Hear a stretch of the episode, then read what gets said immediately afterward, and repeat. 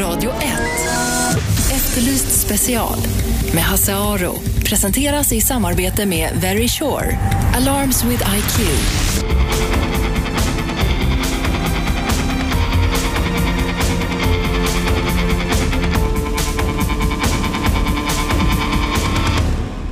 Välkomna hit, Efterlyst special fredag. Vi har antirasistvecka på Radio 1 och vi ska prata högerextremism. I tisdag så pratade vi då den eh, andra sidan kan man säga, den eh, jihad och den muslimska terrorismen. Den som då högerterrorismen reagerar emot eller anser som sitt, sin fiende inbillad eller verkligen, verklig. Eh, Alexander Bengtsson från Expo är med här. Annika Hammerud, journalist och skribent, skriver på Dagens Juridik, är med. Det pågår nu två rättegångar. I, en i Norge och en i Sverige. En mot Anders Behring Breivik och en mot eh, Peter Mangs.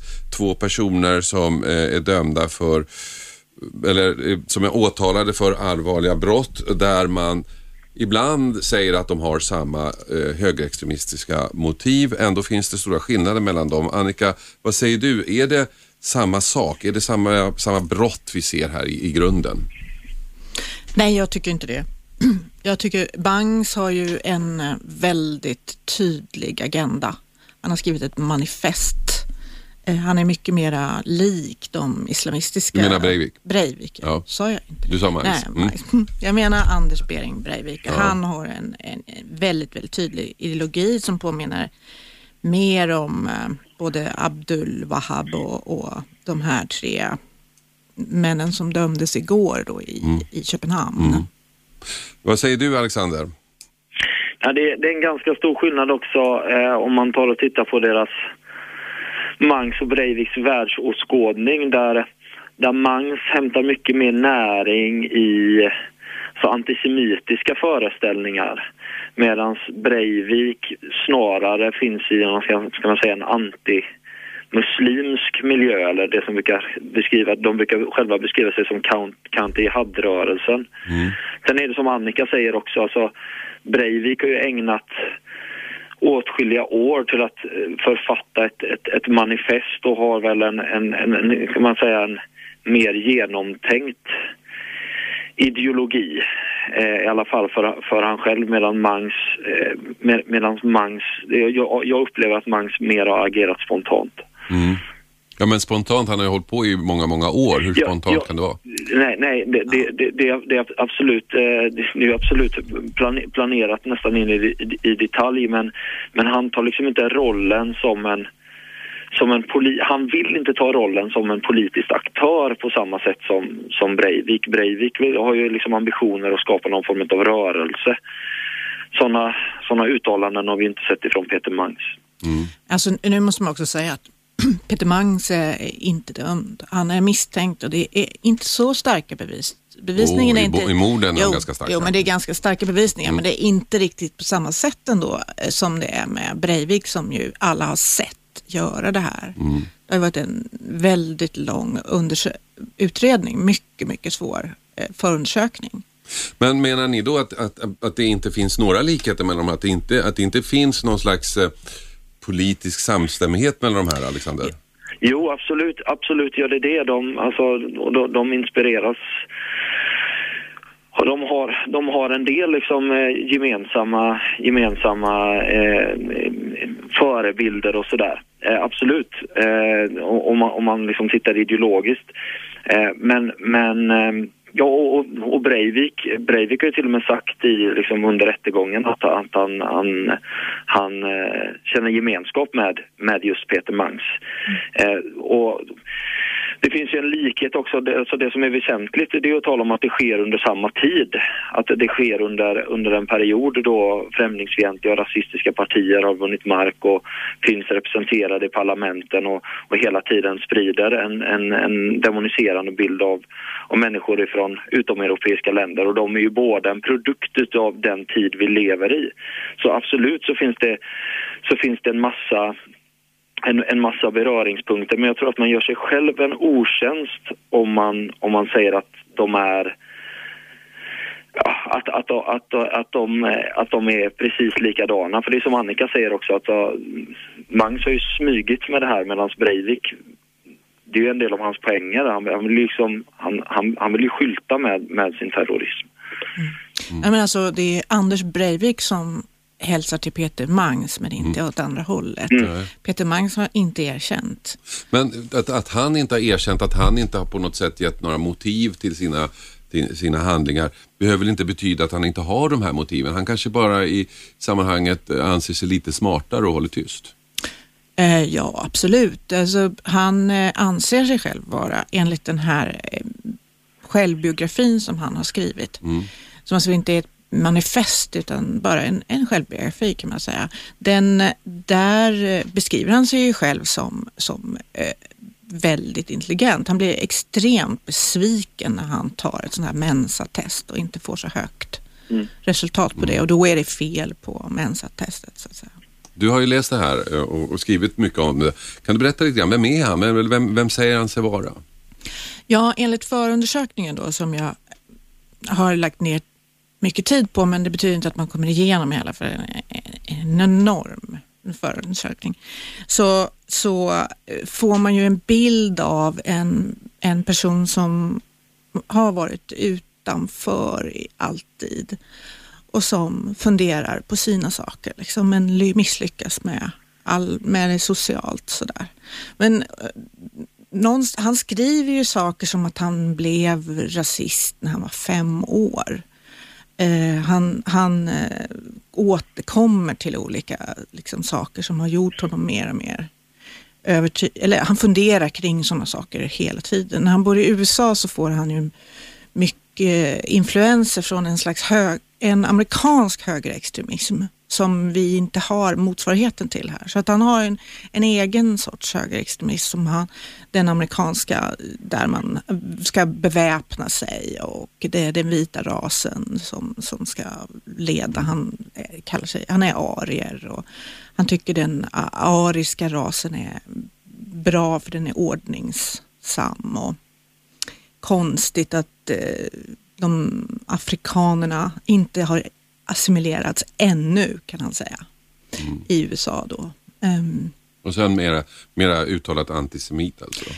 Ja, det, det där tycker jag är lite knepigt för att han har ju, han har ju samlat, han har samlat några gamla, alltså många har påpekat det, men vad jag har hittat så har han ju samlat gamla uppgifter på judar som typ Harry Schein mm. och andra som var kända på 90-talet. Så jag ser inte riktigt att det är en koppling till någonting som sker det, nu.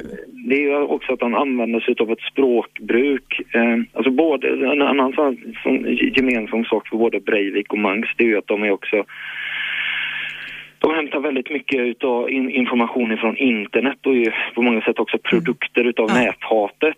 Eh, och, och, där, och, och, där har ju Breivik, eh, det där är ju en skillnad också mellan Breivik och, och Mangs. För att Mangs han använder sig utav ett språk, alltså ett antisemitiskt språkbruk. Han talar exempelvis om the new world order mm. som är liksom eh, ja, en, ett annat ord för den, den, den judiska påstådda judiska världs, hemliga världsregeringen och så. Och, och, det där håller ju inte det där håller inte Breivik på med. Han är ju snarare, när han har konspirationsteorier så är det ju, är det ju snarare eh, en, en muslimsk konspiration som håller på att ta över västvärlden som han är i krig med. Så de är, du sa innan Hasse liksom, om, om, om, om ett krig mot ett, ett krig mot de radikala islamisterna. Mm. Eh, Breivik upplever ju sig vara ett krig med dem. Medan Mangs nog snarare är i ett krig med, ja, men, men eh, ja, med, med klassiska högerextrema konspirationsteorier om, om, om judiska eh, judiska konspirationer som, som styr och kontrollerar världen. Va, vad jag menar, förlåt mig jag avbryter, men för vad jag menar med att det finns ingen koppling till hans dåd i detta. Han mm. skriver de här sakerna men det och finns ju inga sådana kopplingar till, dem, till det han har gjort. Det är inte det, det som han har gjort. Det är det Nej. jag menar är skillnaden. Liksom. Men det... man får en känsla av, av att inte, alltså Breivik lite mer radikal, lite mer påläst, lite mer up to date om ni ut, uttrycker uttrycket i sin högerradikalism än Mang som kör de här gamla, kanske lite förlegade i, i, i kretsarna åsikter? Ja, det, man kan väl säga så här. Jag, jag, jag, jag, delar inte riktigt. Det finns en, en förenklad bild som, som en del kunniga på ämnet kör ut om att det finns två typer av extremhögre. En som är liksom klassisk antisemitisk och så står den nya som är islamofobisk eller antimuslimsk. Många gånger så aktivisterna blandar och ger. Det är inte så att man, det, det är antingen eller. Men här kan man väl säga att Breivik då är mer, jag säga, mer i det antimuslimska högerpopulistiska tänket. Medans, medans Mangs är mer inspirerad utav, eh, som Annika sa, någon form av amerikansk extremhöger där, eh, eller högerradikalism där antisemitismen är fortfarande är en otroligt viktig beståndsdel. Men sen, sen så kan det vara värt att säga också med, med om man läser Breiviks ja, så kallade manifest så finns det ju spår av antisemitism där också. Absolut. Eh, han vill ena de här två rörelserna. Han vill ena de mm. två rörelserna och det, det, är väl där någonstans också han liksom finner en, eh, finner en allierad i Peter Mangs. Mm. Men var, om, om Peter Mangs hämtar eh, sin inspiration från USA, var, var, var kommer Anders Behring Breiviks ifrån då? Eh, det är ju framförallt ifrån då counter jihad-miljön skulle jag vilja säga, eh, som är eh, en rörelse eller, eller miljö som Hans resonemang, det kommer från Norge. Väldigt mycket. Ja, Fjordman och Bruce Bauer, Bauer mm, från Oslo. Väldigt mycket. Precis. Eh, I, i, I Norge så är den antimuslimska miljön betydligt mer etablerad än vad den är i Sverige. Men det man kan säga generellt det är ju att det är en det är en politisk miljö som, som ändå, alltså som inte är alls så marginaliserad som den antisemitiska. Det, det är en del liksom av, av, de här aktörerna internationellt som, som skriver i större tidningar, som bjuds in till universitet i vissa länder som, som gästföreläsare. Men framförallt så är det ju den här miljön organiserad på nätet i olika bloggar och, och, och så. Och det är också där Breivik har funnits. Han har läst de här sajterna. När han har skrivit sitt manifest så har han ju klippt och klistrat ifrån olika olika bloggar. Annika nämner Fjordman som ett exempel då, som en norsk, norsk antimuslimsk eh, bloggare. När man tittar på Mangs då, Annika, så har han, mm. han, han tycks också ha någon slags patos mot, mot kriminella. Finns det, finns alltså det, det elementet i hans handling? Han, han är en slags hämnare. Ja, alltså det, det, han är en hämnare. Han har gjort stora, då, han har kartlagt eh, tre eh, kriminella gäng och två av de gängen kan man ju då också sammanföra med att de har olika etniska kopplingar till olika grupper. Eh, och eh, på det viset så, så det är ju i, i den här um, senare perioden, inte de två första morden som skedde långt, långt tidigare, Alltså det är, långt, det är ett väldigt långt hopp till de, de här skjutningarna då som satte skräck i Malmö. Då är det ju så att han har ju riktat sig mot sådana som var med i, delvis med i de här gängen. Mm. Och ett av, dem, ett av de offer som man planerar eller skrivit om eller på något sätt kartlagt är också en, en väldigt känd kriminell i Malmö. Ja, mm. precis. Ni lyssnar på Efterlyst special. Det är fredag. Vi pratar om högerextremism och i allmänhet och Breivik och Mangs i synnerhet. Eh, vi ska fortsätta samtalet efter pausen.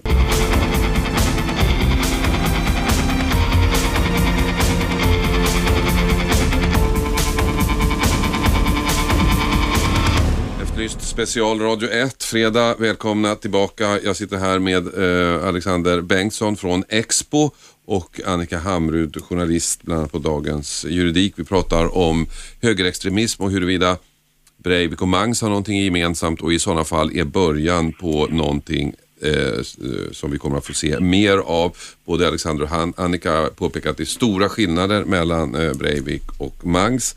Medan jag envist biter mig fast kanske lite grann att det finns ändå någonting gemensamt. Och en sak Alexander, om man tittar på terrorism, eh, eh, eh, hantverket så att säga, där, där är det ju så att den nya, nya ideologin inom både eh, jihad och och högerextremism är de här enpersonscellerna som agerar helt oberoende av varandra och bara så att säga självutnämnda medlemmar av några organisationer och det de gör är så att säga bara deras eget initiativ och där kan man säga att de, både Mangs och, och Breivik finns?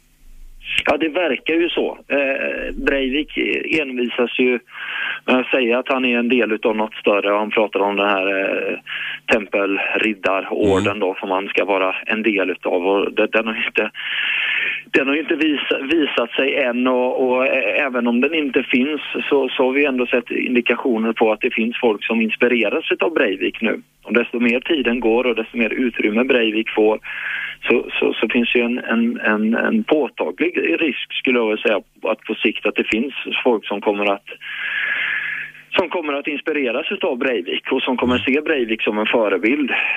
Um, det, man, man, ska inte vara alarmist när man talar om sådana här saker men, men vi har ju sett, eh, apropå USA som vi pratade om tidigare, eh, Eh, någon, någon ung kille i USA som gick ut och sa att ja, men Breivik är hans idol och att han har börjat brevväxla med Breivik och sådär. Så att, eh, ja, en, en, ensam, ensamma i sin gärning men absolut inte i vad, vad det handlar om idéer.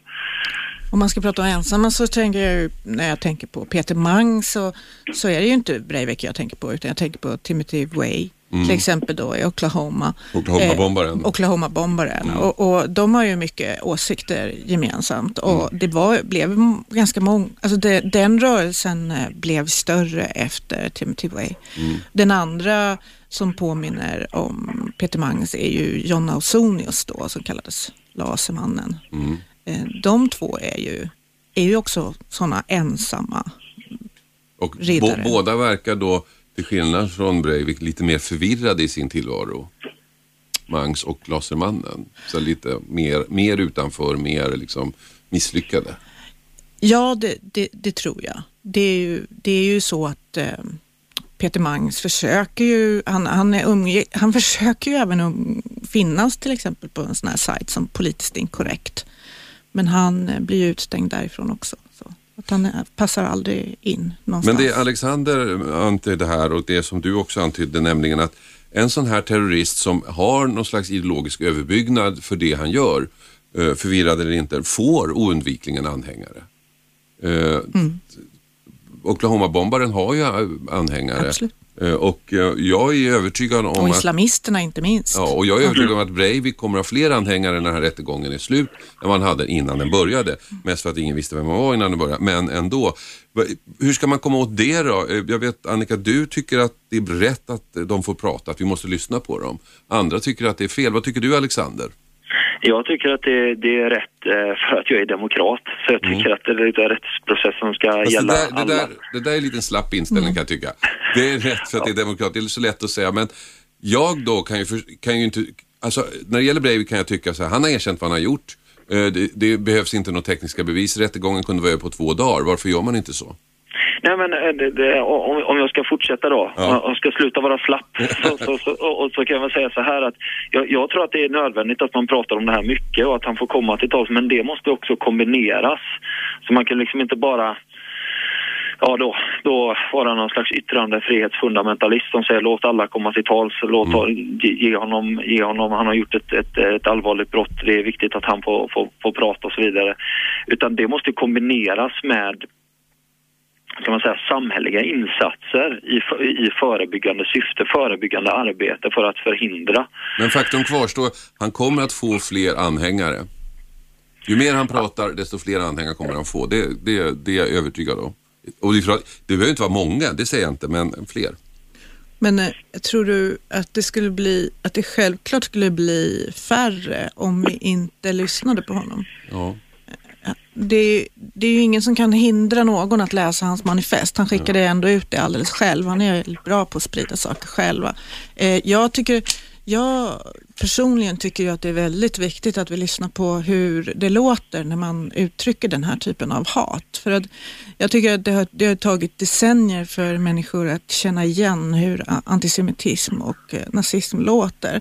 Det har tagit väldigt lång tid och nu sitter det oftast i alltså, ryggmärgen hos folk som reagerar otroligt starkt på att man säger, man kan inte säga ja, du håller på att ta lite mycket för Lebensraum här nej, eller Alb, nej. Arbet macht frei. Det kan inte du säga för folk bara ryser till. Mm. Men du kan fortfarande uttrycka eh, sådana här counter jihad-åsikter som, som, som, utan att någon hör Sen finns det en, en, en, ytterligare en fråga som är intressant och som har diskuterats i Norge väldigt mycket och som jag tror kommer att komma när det gäller Mangs också. Det är frågan huruvida är de galna eller inte. Uh, I Norge så, så, har man ju ännu inte riktigt avgjort den här frågan. Den har ju fått en stor, stor plats i rättegången. Vad tror du Alexander, är han galen? Jag, jag är ju ingen expert på, på, på psykologi.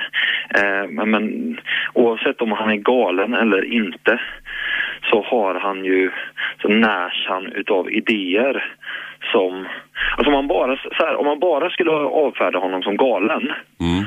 då avfärdar vi ju liksom en, en politisk rörelse som tror på de här idéerna som har ganska starkt stöd. Då avfärdar vi den indirekt som galen. Eh,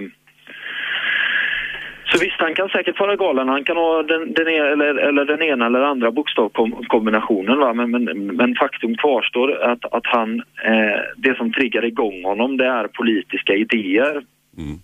Och sen är det ju det att bokstavskombinationer är ju ingen galenskap. Och nej, inte Peter, i fängelsesammanhang. Nej, verkligen inte. Men vad tror du om Peter Mangs då? Han har ju det, troligtvis. Ja. Fast där så ser jag ju mer att han har använt det mm. själv så att säga. Men tror du inte att rättegången kommer hamna där, att det kommer bli en sinnesundersökning på honom? Jo, jo, det kommer det självklart. Det, men kan, finns det en risk att vi avfärdar människor med de här motiven som galna? Ja, det finns risk med det. Jag tycker att det är en farlig utveckling att vi mer och mer försöker sjukdomsförklara sånt som, som det, alla, alla diktatorer skulle vara galna och bara avfärdas. Liksom. Dels det och sen en annan fara som jag ser och som jag inte sett så mycket i rapporteringen kring Mangs men såg det väldigt mycket veckorna efter den 22 juli när, när man liksom tar in den, den sociala biten mm. som, en, som en endast en förklaring. Jag hörde någon efter, efter Utöja då som sa att ja men eh, om Mangs pappa hade varit närvarande när han var liten så hade han inte hamnat där han har hamnat. Alltså, mm. Den typen utav, utav, utav förklaringsmodeller tror jag är väldigt, väldigt farliga. Eh, vi på Expo vi jobbar ju med, också med ungdomar som är på väg in i framförallt i nazistiska miljöer. Och där kan jag ju ärligt säga att det ibland bara är bra om pappan inte är närvarande för att det är pappan som, som bär på de främlingsfientliga och nazistiska idéerna. Okej, tack så mycket för det Alexander Bengtsson på Expo. Vår tid är ute. Annika Hamrud, eh, journalist och eh, krönikör bland annat på eh, Dagens eh, Juridik. Vi har diskuterat Breivik och Mangs, en diskussion, en diskussion som vi anled får anledning att återkomma till, det är jag övertygad om. Efterlyst eh, special, Radio 1. Radio 1. Efterlyst special med Hasse Aro presenteras i samarbete med Very Sure. Alarms with IQ.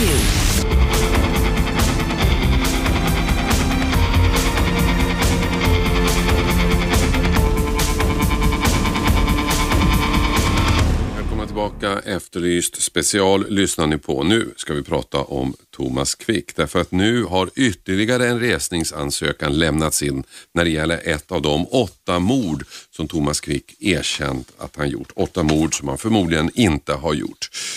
Det här är den, resning i, den näst sista resningen när det gäller Thomas Quick. Det kommer att komma ytterligare en resningsansökan som gäller dubbelmordet eh, i Apojaur 96 och därmed efter det har alla mord han dömts för för eh, har han fått resning i samtliga de fallen. Och orsaken är ganska enkelt, han har inte mördat någon av dem.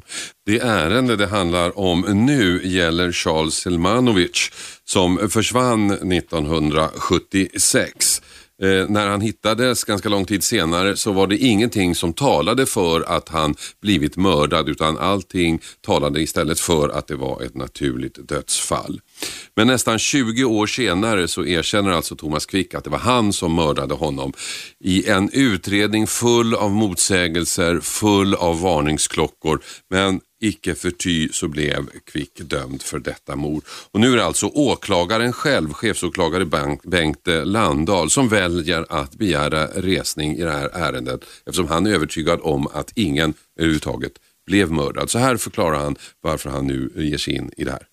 Det gör jag eh, eftersom eh, Thomas Quick, som han då hette, har fått resning i fyra fall hittills och, det, och nu återstår två fall och man kan se gemensamma drag i alla de här utredningarna. Då finns det skäl att eh, låta en hovrätt titta på detta.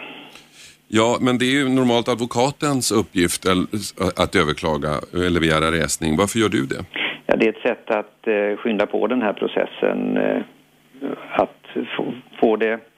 Vi hade ett uppdrag nämligen inom eh, åklagarväsendet att eh, jobba med de här sakerna inom en grupp och, och, då ville vi snabba på det här på slutet nu när det bara återstår, återstår två fall. Men det betyder ju då att ni måste vara övertygade om att Kvick inte gjort, gjort det här? Ja, så är det. Vad är det då som gör att ni är övertygade om det? Ja, det är ju de här eh, gemensamma dragen i alla utredningarna. Att han har varit föremål för terapi, han har eh, varit utsatt för mycket svår medicinering. Det har varit eh, genomgående dålig bevisning vid de fällande domarna mot honom. Eh, försvaret har inte gjort så stora ansträngningar för honom frikänd. Han har själv varit eh, besjälad av att eh, bli dömd. Det är väl de viktigaste omständigheterna. Mm. Om man tittar just på det här fallet Charles Selmanovic mm. så är ju det av de åtta mord han är dömd för kanske det som är märkligast. Ja, det är ytterligare en omständighet som gör att eh, jag lägger fram det här nu. För till skillnad från de andra så är det ju inte ens säkert eller kanske inte ens troligt att eh, han blev mördad överhuvudtaget. Nej, så är det. Hur kunde det gå så här snett då? Ja, det är många samverkande faktorer eh, och det är väl just de sakerna jag redan nämnde här med eh, psykiatrin, medicineringen, eh, hans vilja att kanske få uppmärksamhet, bli känd. Eh, hans intresse av att bli dömd helt enkelt. Mm. Säger det här någonting om vårt rättssystem? Det är klart att det gör det. Att eh, det är allvarligt att det här kan ske. Man ska ju komma ihåg att om vi pratar om försvaret så är ju försvaret är ju eh, tre olika försvarare han har haft under tiden. Kanske, nu plötsligt blir jag osäker, det är möjligt att det är fyra, men, men han, han har alltså flera, flera försvarare. Eh, det är flera olika domstolar som har dömt och alla har eh, gjort på det här sättet. Vad jag förstår så kommer du begära resning också i Apojaure-målet. Nej, det är inte jag som arbetar med det utan det är en kollega till mig som har det. Men det kommer att ske? Eh, ja, allt talar för det. Och då har han ju fått resning i samtliga fall? Ja, nu ska vi ju komma ihåg att hovrätten ska ju först, eh, det är ju samma hovrätt som ska pröva eh, den ansökan jag lämnat in och den som kommer att komma. Eh, det, det är hovrätten uppe i Umeå som ska pröva det, men det är inte förrän, förrän hovrätten har pröva, gjort sin prövning som man kan säga att det här är över. Mm. Eh, när det gäller Kvick så är det ju många som har uh, haft sina dubier under årens lopp och jag vet att vi på Efterlyst gjorde ett reportage om just Selmanovic för kanske fyra år sedan där vi visade på en del orimligheter i utredningen. Mm. Varför kommer det här först nu? Ja, jag, ärligt, jag tror att eh, det hela startade med att eh, Thomas Olsson eh, blev engagerad i det eh, i ett mera formellt, eh, en, en formell process. Eh, Hannes Råstams tv-program hade ju också stor betydelse. Mm. Men ändå var det varken i tv-programmet eller i Olssons eh, inlagor någonting nytt för dem som har följt det här under många år. Allting har ju varit känt. Ja, ja det, det är inte jag rätt man att svara på. Jag är bara en av dem som har blivit utvald att arbeta i den här gruppen och, och vad som var dessförinnan det var ingenting som, som eh, jag hade anledning att fundera över. Ärligt talat så har jag inte funderat särskilt mycket över det förrän jag kom med i den här gruppen och, och fick tränga in i det hela. Mm. Det här innebär ju då med, med, någon slags indirekt kritik mot tidigare um, kollegor. Är det känsligt? Eh, eh det är väl uppenbart att, eh, att det, må, att det kommer uppfattas på det sättet. Visst är det så. För min del är det inte känsligt utan det jag har gjort nu det står jag för. Om nu Kvick frias i det här fallet och i de andra fallen, vad händer med honom? Vad har, kan han då begära skadestånd? Han kan alltid begära det och i vilken mån han får det, det, det är en annan fråga. Så säger alltså chefsåklagare Bengt Landahl Eh, med anledning av att han nu lämnat in en resningsansökan till hovrätten för övre Norrland gällande eh, Thomas Quick. Eh, och den resningsansökning handlar om det påstådda mordet på Charles Selmano Selmanovic som försvann 76 och som Thomas Quick 1994 erkände att det var han som blev mördad. I själva verket så tror inte överåklagaren att Selmanovic överhuvudtaget blev mördad utan han dog av andra orsaker där i skogen där han hittades. Möjligen frös han ihjäl. Ni hörde också att eh, chefsåklagaren sa att eh, två andra mord, nämligen dubbelmordet i Apojaudi 1984 på paret Stegehöjs som eh, Thomas Quick också erkänt. Även där kommer åklagarämbetet själv att lämna in en resningsansökan. Inte heller det tror man att Thomas Quick har, begått, även om det i det fallet otvetydigt rörde sig om ett mord. Vi har alltså Thomas Quick som erkänt åtta mord. Ett dubbelmord, det betyder att och ett mord blev inte av. Det betyder att sex mördare går fria. Mördare som kanske skulle kunna fångats om utredningarna sköts mer professionellt. Vi har en man här som i mer än tio år snurrat upp hela det svenska rättsväsendet. Vi har en polisutredning som har fatala brister. Vi har ett försvar som har fatala brister och vi har en åklagare som har fatala brister eftersom alla mord. Det kommer att bli så. Thomas Quick kommer att eh, få resning i alla och bli frikänd från alla de mord han döms för. Det är jag fullkomligt övertygad om. Och det här kan inte betraktas som något annat än ett fullständigt haveri när det gäller den svenska rättsapparaten. Och ni hörde också Bengt Landahl eh, säga att det här är mycket, mycket allvarligt. En som inte tycker att det är lika allvarligt tydligen det är Anna Skarhed som är justitiekanslern i Sverige. Justitiekanslern som just har som uppgift att utreda när myndighetsutövningen går åt skogen. Eh, förra veckan så stod det i tidningarna att hon tänkte granska hela kvickutredningen. Eh, men när jag fick tag på henne så förnekar hon detta. Hon medger att det har begåtts fel men inte av den arten så att det är någon mening för henne att gå in och titta närmare på saken. Jag kan väl säga att det är självklart inte omöjligt för ingenting är ju omöjligt och vad som kommer att hända när den här långa eh, processen med de här resningsfallen är klar det vet jag inte idag. Men som jag ser det idag så är det nog snarare rim, inte rimligt och snarare inte så att det kommer att ske. Varför är det eh, snarare så? Jag tror inte att det finns någonting ytterligare som kan vara intressant för JK att uh, utreda kring detta som jag ser det idag. Eh, men då är jag ju tillbaka i, och det är väl kanske det som eh, har gjort att vi har missförstått varandra, den här journalisten och jag, att, att eh, samtidigt så ska man ju alltid säga att man, man ska aldrig vara för säker utan jag måste naturligtvis följa detta som andra ärenden som pågår och så småningom dra min slutsats. Men det viktiga att säga nu är ju att, att JK skulle idag dra en, liksom ha en bestämd uppfattning om detta, det vore ju snarast tjänstefel skulle jag säga. För självklart är det så att under den här processen som nu pågår så är det ingenting som justitiekanslern har anledning att eh, ägna, liksom att gå in i. Eh, men när den här processen väl är avslutad, eh, då är det ju naturligtvis en öppen fråga om det skulle finnas anledning att, att se på någonting mera. Men som jag bedömer det idag så är det inte omöjligt återigen, men det är inte sannolikt. Det finns de som hävdar att det här är den största rättsskandalen i modern tid. Ja, det är alltid farligt med de där överorden tycker jag och jag skulle väl snarare vilja beskriva det här som att det är ett väldigt exceptionellt och framförallt ett väldigt tragiskt fall eh, där ju eh, inte minst och alldeles särskilt tycker jag de anhöriga till de personer här som har eh, dagar att de har drabbats hårt både i den inledande men att de nu återigen drabbas och det är väldigt beklagligt och naturligtvis oerhört sorgligt och tragiskt. Mm. Men uh, det, den intressanta frågan är naturligtvis om det, om det finns någon slags systemfel i, i rättssystemet som har gjort mm. det här möjligt.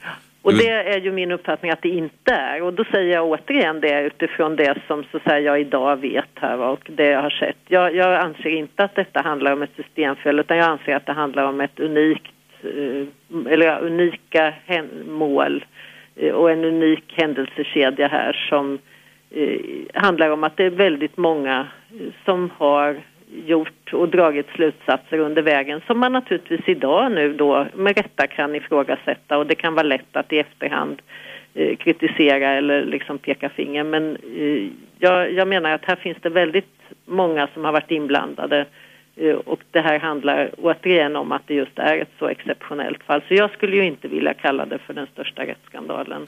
Det är så väldigt många inblandade säger justitiekanslern Anna Skarhed så att hon vill inte kalla det här för den största rättsskandalen.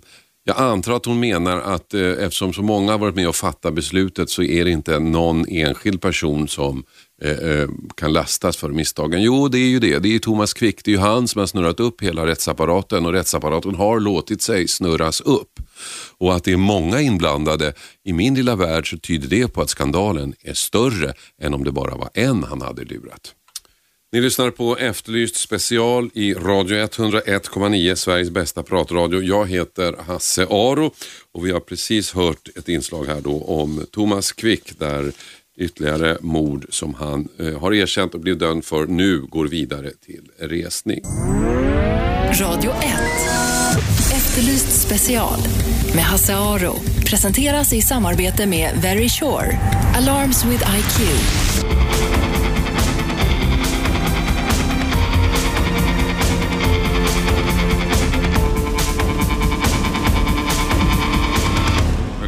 Tillbaka till Efterlyst special. Vi pratade före pausen om ett spektakulärt rättsfall, nämligen Thomas Quick. Ett annat rättsfall som blivit spektakulärt innan det ens börjat är ju fallet Julian Assange. Förra veckan beslutade ju den brittiska högsta domstolen att Assange kan utlämnas till Sverige men man öppnade också upp för hans brittiska försvarare att få fallet prövat igen. Så det dröjer nog innan Assange kommer hit. Men när han kommer lär det bli uppmärksammat, inte bara här utan i stora delar av världen. För det är ju inte bara han som ska prövas utan också vår syn på våldtäkter och sexuella övergrepp som av en del ute i världen uppfattas som extrem.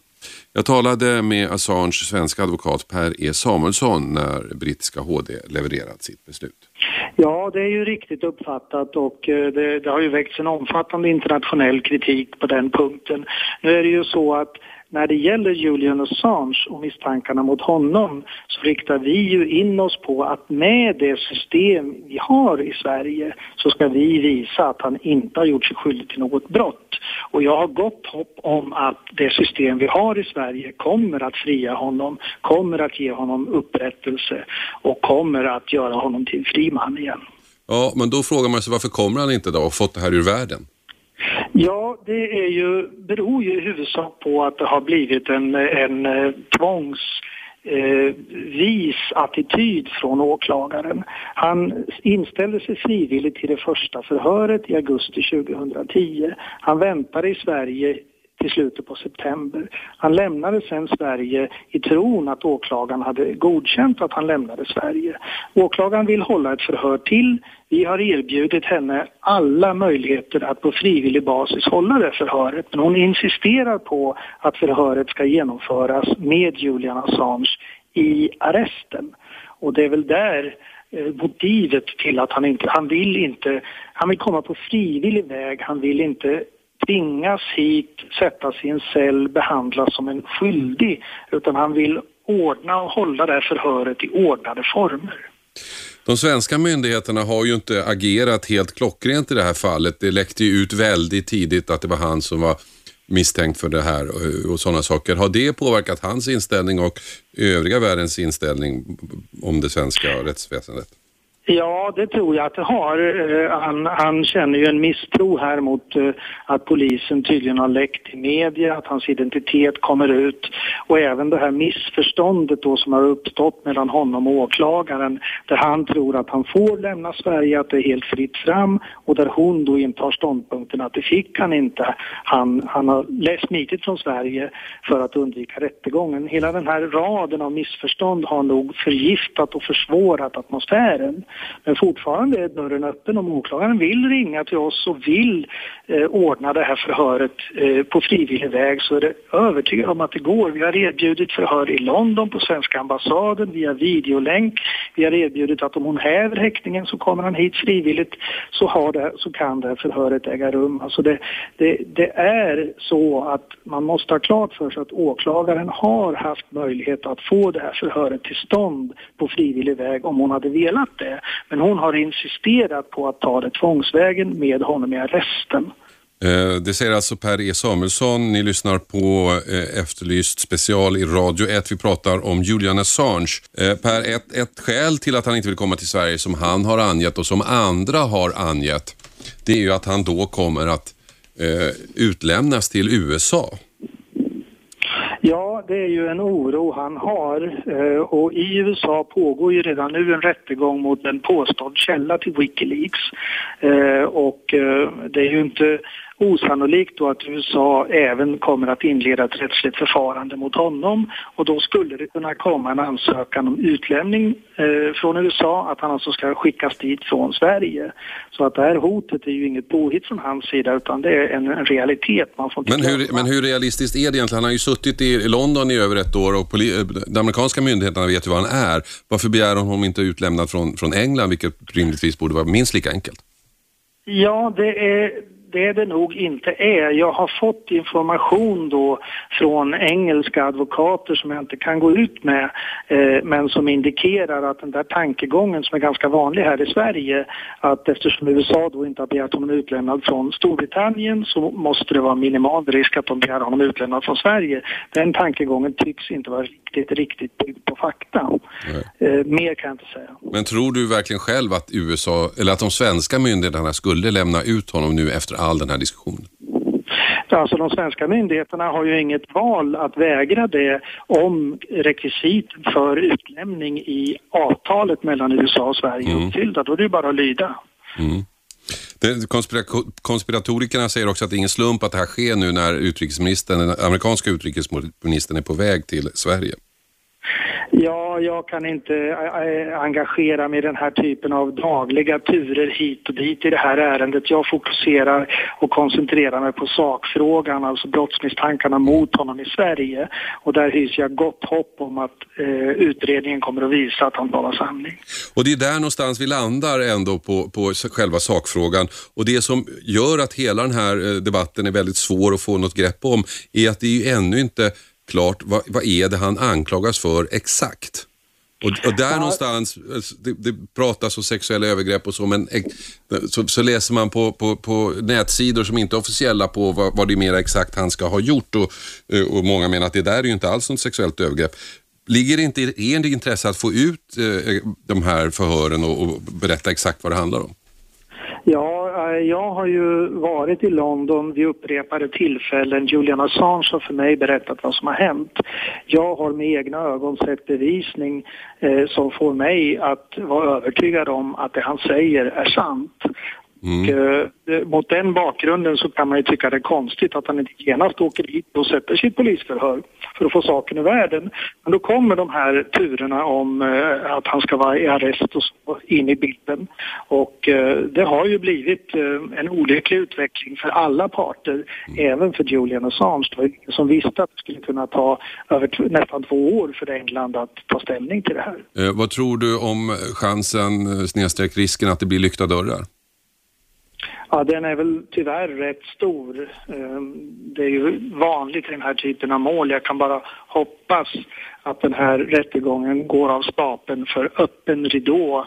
Alla människors identitet, även kvinnornas identitet, är ju faktiskt i praktiken ute på nätet överallt. Så eh, jag hoppas att vi kan få en offentlig rättegång, en offentlig insyn så hela folket i Sverige och hela världen för övrigt kan ta ställning till de berättelser och de fakta som läggs fram. Där tror jag att Julian Assange, svensk advokat Per E Samuelsson har helt rätt. Den här kommande rättegången kommer inte bara bli en prövning av honom utan också av det svenska rättssystemet och den svenska synen på sexuella övergrepp. Jag tror det är väldigt viktigt att vi har så mycket öppenhet som möjligt här för att undvika alla konspirationsteorier. Jag heter Hasaro, det här är Efterlyst special. Ha en trevlig helg. 101,9 Radio 1 Sveriges nya pratradio